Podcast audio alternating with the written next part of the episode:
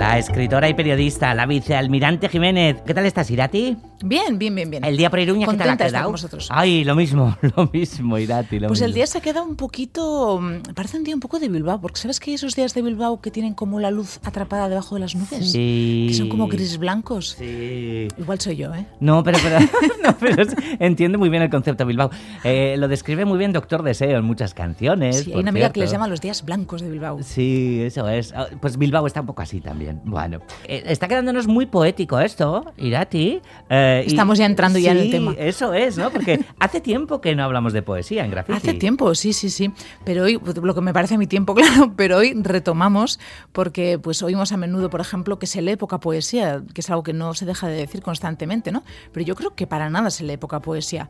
Se lee, para empezar, poesía y se hace poesía en todas las literaturas, porque sin literatura, sin poesía, perdón, la literatura se seca, porque la poesía es, lo hemos dicho más veces, el laboratorio de la belleza del lenguaje. Su sección, vamos a decir, pues y más de más, y como las empresas, y no puede vivir la literatura sin poesía. Y porque a mucha gente, a muchísima gente le gusta la poesía, la audiencia de este programa da fe de ello. Y sin duda la literatura vasca, que ha dado comparativamente mucha más poesía y mejor poesía que narrativa de momento, un género que ha tenido pues menos tradición, particularmente si hablamos de novelas. Bueno, pues de, de eso vamos a hablar hoy en Graffiti con Irati Jiménez, de poesía en euskera. Sí, para rizar el rito vamos a hablar de poesía en euskera en castellano y valiéndonos de traducciones de poesía en euskera y de un poeta que inauguró nuestra literatura contemporánea con un lenguaje que es casi mágico porque se anticipó al euskera batúa antes de que existiera, con una voz poética tan poderosa que parecía provenir de las cavernas del tiempo casi casi y como de un futuro al que estábamos esperando impacientemente. Su poesía fue primero simbolista, luego social, siempre densamente vasca, resonó como un mazazo en su pueblo hizo que hasta las piedras despertaran de la anestesia cruel en la que nos había instalado la dictadura. En un momento en el que prácticamente todo estaba por hacer en aquella Euskal agónica de posguerra, nuestro poeta de hoy lo hizo pues prácticamente todo. Vamos a hablar, Galder, si te parece y le parece a la audiencia, de Gabriel Aresti Segurola, el poeta del martillo sobrenatural.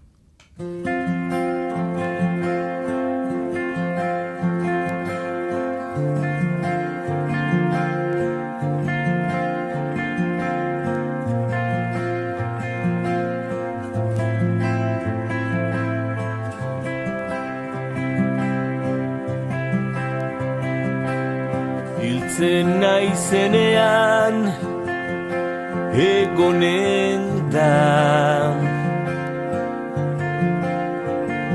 Nire lauzaren gainean izkribu hau. Hemen datzan Gabriel Aresti segurolan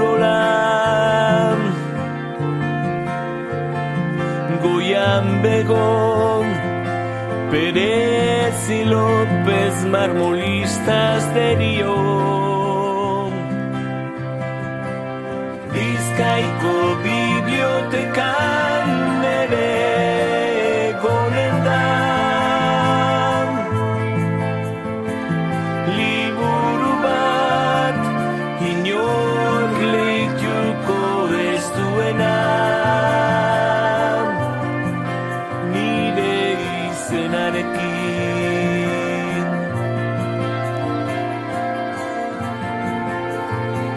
Bueno, Irati, escuchamos a, a Rafa Rueda cantando uno de sus poemas más conocidos. Bueno, cuéntanos brevemente, ¿quién fue Gabriel Aresti? Pues Gabriel Aresti, poeta, dramaturgo esencial para la literatura en euskera, nació en Bilbao el 14 de octubre de 1933 en el seno, hay que decir, de una, de una familia que había perdido el euskera, eran castellano parlantes. Estudió perito mercantil, trabajó como contable, fue un magnífico traductor, me atrevo a decir, aunque es un poco herejía, que quizá era mejor traductor incluso que poeta. Fue traductor, entre otros, de T.S. Eliot, su traducción de los cuatro cuartetos, por ejemplo, es un portento, y de Federico García Lorca, entre otros. Aprendió euskera por su cuenta y a una velocidad de asustar. Hoy en día diríamos seguramente que tenía altas capacidades porque comenzó él solo a los 12 años y a los 24 era miembro de Euskaltzaindia. Se casó con Meli Esteban, hija de migrantes leoneses, con la que tuvo cuatro hijas. Una de ellas falleció nada más nacer. Aresti fue pues, una fuerza esencial en la unificación del euskera y, como he dicho antes, se anticipó a lo que sería la coiné literaria vasca. Es, digamos, un poco las glosas emilianenses en el castellano y Cervantes al mismo tiempo, todo junto, decimos en el castellano, que es la lengua de Cervantes y del euskera batua, bien podríamos decir que es la lengua de Aresti. Desde fundar una compañía de teatro hasta una editorial y escribir pues, algunos de los poemarios más importantes de nuestra lengua, solo eso, Maldambera, Arreta Herri, Arresco Herriau. Aresti lo hizo, ya lo hemos dicho antes, prácticamente todo. Fue poeta, pero también fue arquitecto de una lengua y una figura decisiva en el estado actual de esa lengua. Murió, la verdad que muy joven, en 1975 de enfermedad, sin haber visto ni siquiera el fin de la dictadura. Mm, Bueno, oye, Irati, eh, que tú tienes debilidad por Aresti, pues no lo vamos a ocultar. No, no, no. A estas alturas sería un poquito una temeridad. De hecho, os podría contar pues un rosario de anécdotas. Eh, yo creo que mi favorita es en una carta cuenta que cuando era pequeño y los curas le amenazaban con ir al infierno, decía, pues ya me acostumbraré. Que es una cosa que me encanta. Para que veáis lo tozudo que era, por ejemplo, en una noche eh, pronunciaba la R, las R's como las G's y cuando en el colegio la primera vez que fue se rieron de él, pues él una noche, bien tozudo, se lo quitó él solo, en una sola noche sin dormir. ¡Wow! Que hay que ser testarudo. Y tanto. Eh, hasta que él y John Miranda llegaron a Euskal Día, por ejemplo, eh, sabemos que las reuniones eran en castellano en Euskal Día. What? Y él Wow. hizo que se fueran en euskera, él y, Wow, y wow. Miranda, y, perdón, y Krudwig, que intentara que, por ejemplo, se celebrara el Año Internacional de la Mujer Trabajadora en Euskal Día. Eh, podemos contar que su poema iniciático nos habla de una cosa inédita en la literatura vasca hasta él y hasta la Guaseta, que son los trabajadores muertos, que fuera el primer poeta netamente civil de nuestra lengua. Pero mira, os voy a leer casi mejor que lo que diga yo, lo que dijo su mujer Meli Esteban en la biografía de Ángel Celayeta, que me hace muchísima gracia. Dice Meli, ¿qué me atrajo de él? Pues que era un hombre de gustar, alto, fuerte y con unos ojos preciosos, nos dice, y muy amable.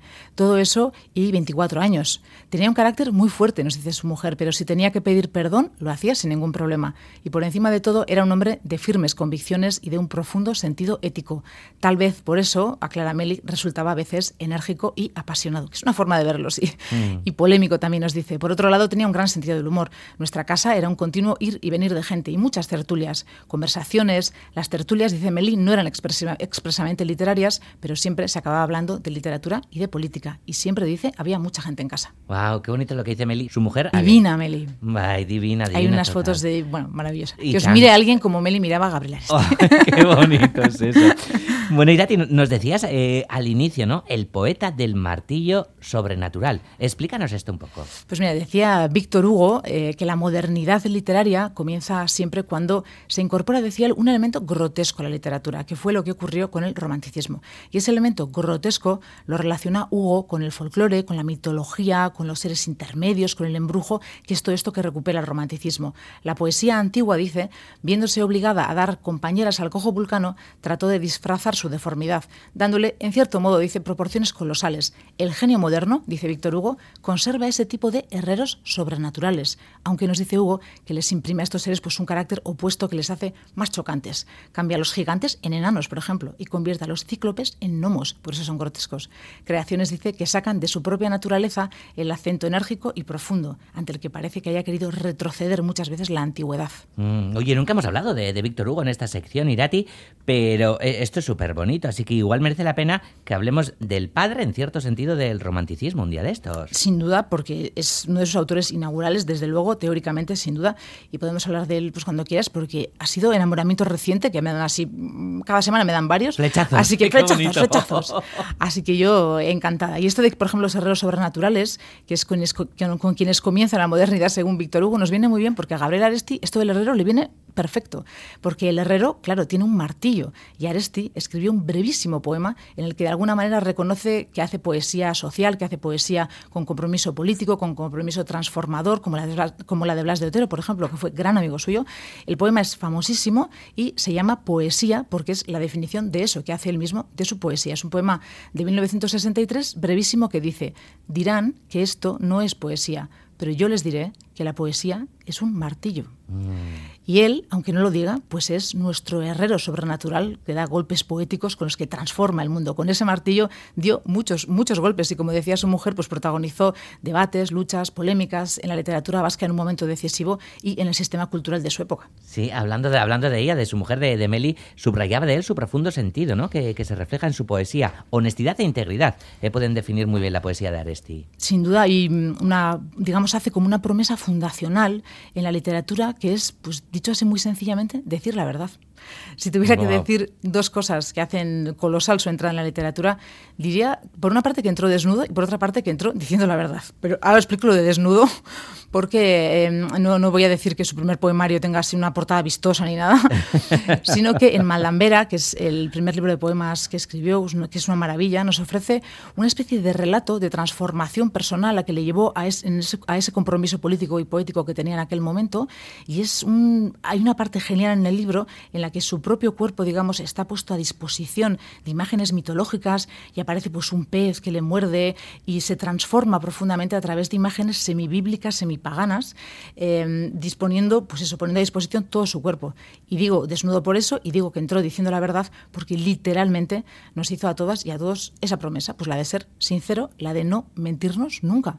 Que dicho así, es muy transformador. Si te parece, lo leemos en uno de sus poemas, que es de, también de 1963, que tradujo él mismo Vale, pues, pues eso es todo un lujo. y que Vamos. se llama Si por decir una verdad. Sí, por decir una verdad, ¿vale? Vamos con él. Dice, si por decir una verdad han de matarme las hijas, han de violarme la mujer, han de derribar la casa donde vivo, si por decir una verdad han de cortarme la mano con la que escribo, la lengua con que canto, si por decir una verdad han de borrar mi nombre de las páginas de oro de la literatura vasca, en ningún momento, de ninguna manera, en ningún lugar, podrán callarme. Wow. Uf. Eh, Irati, eh, este que has leído, pues es desde luego, ¿no? Uno de sus poemas más famosos, Sí. pero quizá ninguno tan tan conocido, ¿no? Por, por casi todo el mundo como Nirai Tarenechea. Sí, yo creo que es el hit y la- el poema, digamos, primero que nos viene a la cabeza cuando pensamos en Gabriel Areste. A veces, el- si hay uno que, solo uno que conoces de Areste, normalmente es ese, es otro poema del mismo año, del 63, que dice así, ni en euskera, defenderé la casa de mi padre, se llama, y dice, defenderé la casa de mi padre contra los lobos, contra la sequía, contra la usura, contra la justicia, defenderé la casa de mi padre, perderé los ganados, los huertos, los pinares, perderé los intereses, las rentas, los dividendos, pero defenderé la casa de mi padre. Me quitarán las armas y con las manos defenderé la casa de mi padre. Me cortarán las manos y con los brazos defenderé la casa de mi padre. Me dejarán sin brazos, sin hombros y sin pechos, y con el alma defenderé la casa de mi padre. Me moriré, se perderá mi alma, se perderá mi prole, pero la casa de mi padre seguirá en pie. Wow, siempre emociona, ¿verdad? Sí, Escuchar, sí, sí. escuchar este poema. Y eso, que claro, obviamente los, mm, el poema está pensado en euskera y entonces en, mm, la cantidad de sílabas por verso, digamos, es eh, todavía digamos que hay un- una última capa de poder, digamos, en euskera, pero la traducción es lo propio Aresti y ya digo que era un traductor realmente milagroso, que es muy difícil traducir poesía. Oye, eh, Are- Aresti en gran medida es el iniciador de la tradición eh, poética contemporánea, ¿no? El que pone a la poesía vasca en el camino a su modernidad, digamos. una modernidad pues, pues largamente atrasada, vamos a decir con cariño, pero largamente atrasada. Hay antecedentes, por supuesto, uno central, porque además fue casi contemporáneo de Arestis, John Mirande, nuestro primer autor de poesía, no solo no cristiano, vamos a decir, sino netamente alejado de la tradición cristiana, un autor pues entre paganista y luciferino, voy a decir porque me chifra esa palabra. Mirande, hijo de vascos suletinos, nació en París, es además autor de esa novela bellísima en prosa casi lírica llamada Urbe Soetakoa, que introduce la narrativa vasca en el siglo XX, después de que tengo que decir que Chomin Aguirre consiguiera que levantara el vuelo con una obra como Cresala, que la hemos mencionado alguna vez, bellísima novela romántica que sería propia del XIX, pero como vamos un poquito tarde a todo, pues llegó a comienzos del XX. Ya, bueno. Y eh, otro gran antecedente para, para Aresti, pues sería otro vizcaíno, la Guaseta. Esteban Urquiaga Basara nació en Lauquín, Vizcaya, con el siglo XX, en 1905, justo con el albor del siglo, aunque residió desde muy pequeño en Munguía, en la casa La de ahí viene el nombre. Lau Aisetara significa La Lauaseta, pero pronunciado en vizcaíno, Lau Aiseta, Lauaseta. Inmenso poeta lírico, amante del simbolismo francés, fue quien, tras una larguísima demora, estableció pues, un nexo de unión con la modernidad lírica mundial, que nació, pues fíjate, muchísimo antes en Francia con Baudelaire y llega pues, hasta nuestros días. Fue un traductor también estupendo, igual que Aresti, poeta magnífico. Aunque él se sentía poeta como por decisión política, era un poeta verdaderamente vocacional.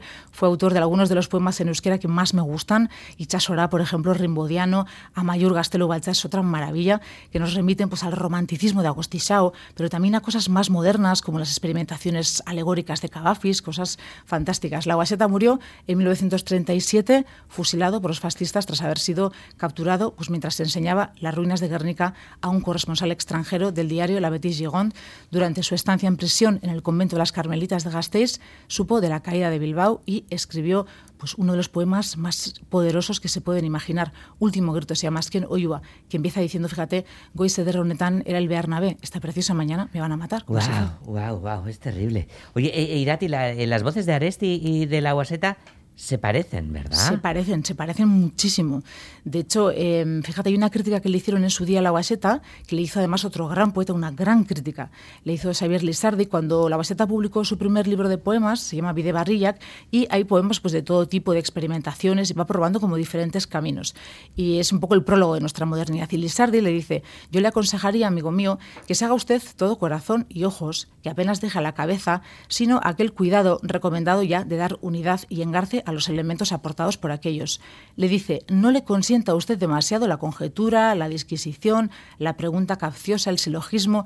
Creo que eso, exagerándolo al menos, y aún sin tanto, enrarece y hiela el ambiente poético. Es un gran consejo. Que no se pierda, digamos, en las palabras y en lo frío, ¿no? que vaya a lo caliente.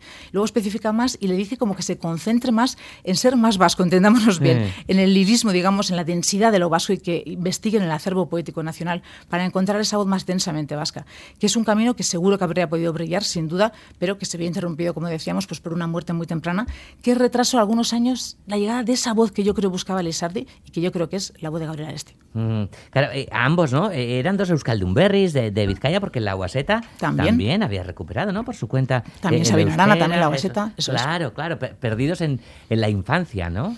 Eso es, compartían muchísimas cosas. Por ejemplo, pues eh, conocían muy, muy bien, que era inédito en aquella época, la poesía internacional del siglo XIX, por ejemplo, del siglo XX.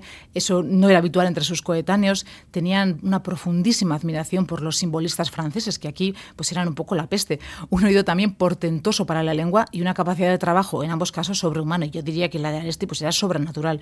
Sus voces poéticas son tan auténticas pues que resultan inevitablemente distintas, claro, pero tienen algo en común y es que, en mi opinión, sus poemas es como si se escucharan a un volumen mayor que los de los poetas de su época. Tienen más energía, es como si circulara en ellos más sangre, son más físicos y más nervudos. Cuando Aresti, por ejemplo, abandona la experimentación simbolista de Maldambera, es en el hierro de la guaseta, yo creo, donde encuentra resonancia ese martillo poético de Arrieta Herri, que fue un poemario, como sabemos, inaugural en lo literario, es profético en el uso de la lengua, está escrito en Batúa antes del Batúa, una obra maestra con la que Aresti culminó pues, unos años de aprendizaje, estudio, búsqueda literaria, casi en solitario, trascendentales para él, para su pueblo también, que había encontrado en él a ese primer poeta mágico al que los países esperan a veces pues, durante siglos y que siempre anuncia la llegada feliz del hombre nuevo.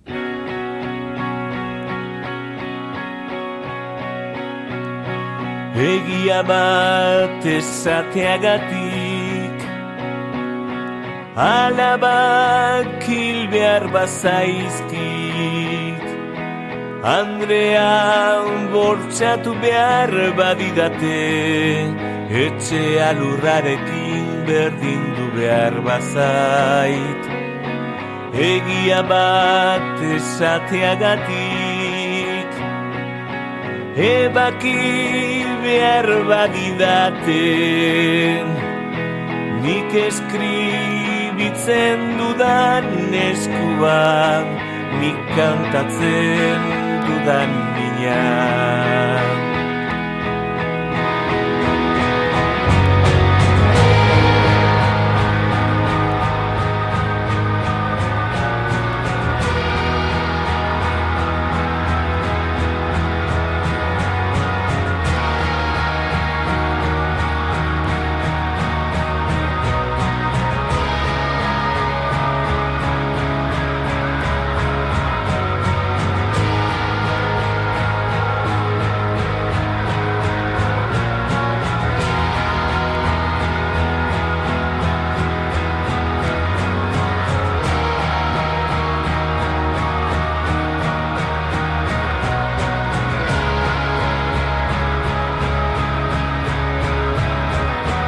Egia bate esateagatik, aquí estamos escuchando el, el poema original en euskera, que antes lo hemos escuchado en la traducción de- del propio Aresti, en tu voz.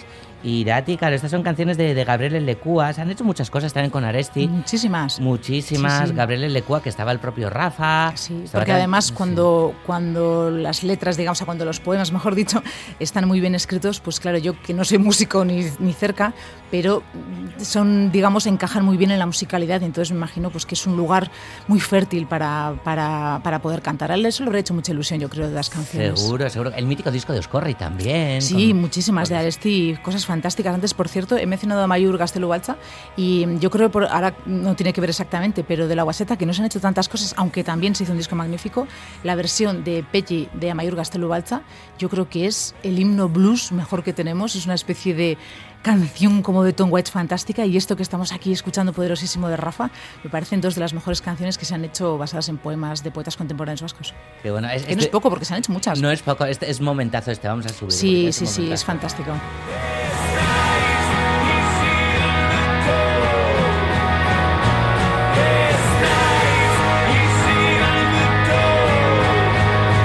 Antes, Irati, has dicho, has dicho una cosa súper chula, ¿no? Que, que parece que la Guaseta y el este escribían, o, o se leen, ¿no? O sus poemas a, a mayor volumen, ¿no? Aquí Sí, Rafa tienen- Rueda lo pilla, desde luego, ¿no? Efectivamente, tienen. eh, no- seguramente no es una forma muy, muy técnica o académica de expresarlo, pero se escuchan los dos con voz poderosísima, eh, no solo por el uso de los verbos, pero yo creo que hay una parte de sus personalidades que se parecen también un poco. Y mm, digamos que no creo que hubieran sido buenos diplomáticos de carrera, por decirlo así suavemente. No, más bien, más bien martillo y yunque, vamos Ya a llamarles.